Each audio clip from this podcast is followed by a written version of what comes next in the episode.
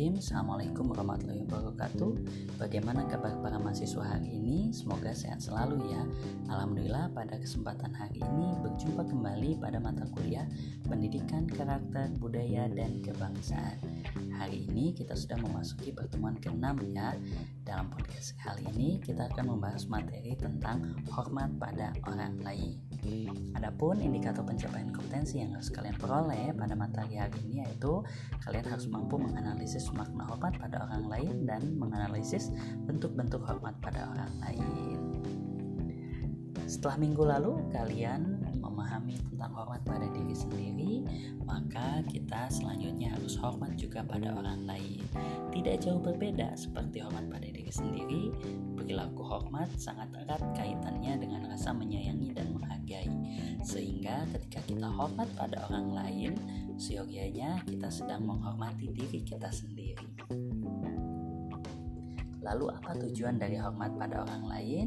Tujuannya di antaranya ialah sebagai kontrol sosial Sehingga bagaimana ketika kita menghormati orang lain Orang lain pun akan menghormati diri kita sendiri Manfaatnya yang pertama adalah menunjukkan kepribadian yang kuat dan positif dapat memelihara kesehatan jiwa kita dari sifat-sifat negatif, membangun relasi yang baik, meningkatkan hubungan yang harmonis, serta munculnya penghargaan timbal balik dari orang lain.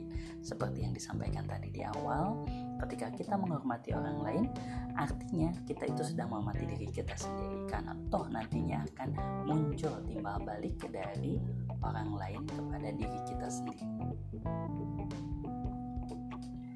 Nah, bentuk-bentuk hormat pada orang lain itu apa saja? Ada banyak. Yang pertama, kita bisa menjadi seorang pendengar yang baik ya. Lalu juga senantiasa mengucapkan banyak terima kasih kepada orang lain yang senantiasa membantu kita gitu ya. Karena pada dasarnya ketika kita membantu orang lain, ucapan terima kasih ini adalah ucapan yang sangat berarti sekali bagi bagi orang lain tersebut gitu. Artinya kita menghargai apa yang telah disampaikan kepada uh, kita. Yang kedua adalah yang ketiga adalah sopan santun kepada siapa pun. Ya tentu kita harus menjunjung tinggi rasa sopan santun kepada siapa pun sebagai bentuk hormat pada orang lain. Ya sehingga ketika kita sopan santun itu tidak memandang dia tua kaya, muda, miskin gitu ya. Tapi kita harus nantiasa sopan santun kepada siapa saja. Selanjutnya adalah kita harus mau membantu orang lain. Kita harus mau membantu orang lain yang sedang kesusahan dan tentu kita membantu mereka dengan semampu kita. Jika tidak bisa dengan finansial, kita bisa membantu dengan pemikiran, kita bisa membantu dengan uh, pemikiran dengan tenaga gitu ya. Yang paling penting adalah kita menghormati orang lain dengan membantu orang lain tersebut ya Nah, para mahasiswa, demikianlah materi kita hari ini. Semoga dapat dipahami dengan cermat ya. Intinya adalah ketika kita menghormati orang lain, maka sebenarnya kita itu sedang menghormati diri kita sendiri. Sehingga tidak ada ruginya bagi kita untuk dapat menghormati orang lain. Justru dengan membangun karakter hormat pada orang lain akan menjadi sesuatu hal yang positif dan berharga bagi diri kita sendiri dan menambah nilai kita di mata orang lain ya. Terima kasih, semoga bermanfaat. Kita jumpa lagi pada podcast selanjutnya. Wassalamualaikum warahmatullahi wabarakatuh. See you next time.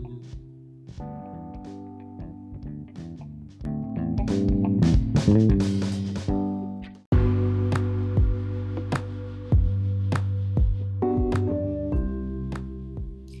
Bismillahirrahmanirrahim. Assalamualaikum warahmatullahi wabarakatuh. Bagaimana kabar kalian hari ini? Semoga sehat selalu ya.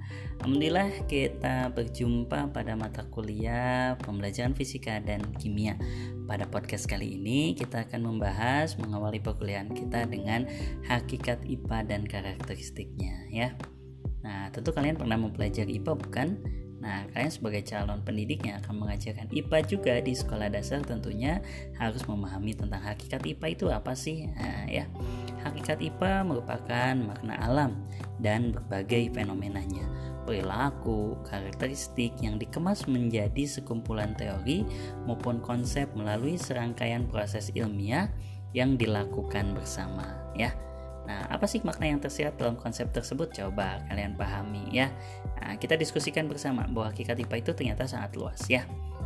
Bukan hanya sekedar pengetahuan, tapi juga dalam kehidupan sehari-hari yang dilakukan oleh manusia.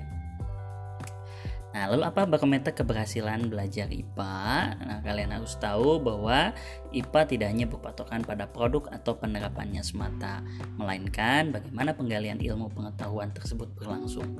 Proses yang dimaksud tidak sekedar mengamati fenomena dan kejadian alam, melainkan bagaimana seseorang dapat berpikir, bertindak, dan mengambil kesimpulan berdasarkan metode ilmiah. Proses sains tersebut diharapkan dapat menjadi pedoman siswa sekolah dasar untuk menerapkannya dalam kehidupan sehari-hari ya.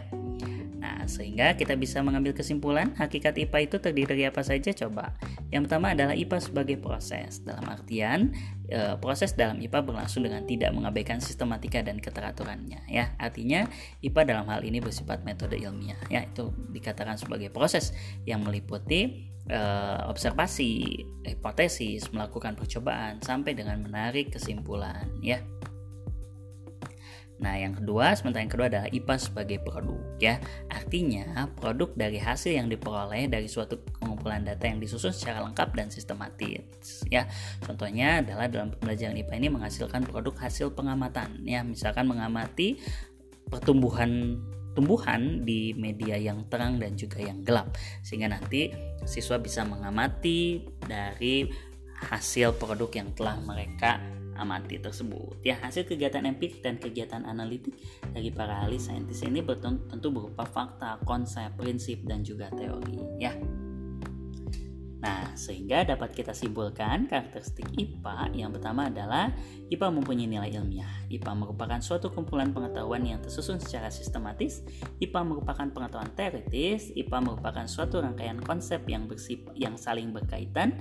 IPA merupakan empat unsur yaitu produk, konsep, e, produk, proses, aplikasi, dan sikap. Ya, bagaimana? Bertambah bukan pengetahuan kalian dan ini merupakan gerbang awal kalian mempelajari mata kuliah pembelajaran fisika dan kimia ya tentu ke depan di perkuliahan-perkuliahan selanjutnya akan banyak materi-materi menarik yang akan kita pelajari ya jadi jangan bosan untuk mengikuti mata kuliah ini ya Demikianlah untuk pertemuan kita hari ini. Podcastnya kita akhiri. Semoga bermanfaat. Kita jumpa lagi pada podcast-podcast selanjutnya. Ya, terima kasih. Wassalamualaikum warahmatullahi wabarakatuh. See you next time.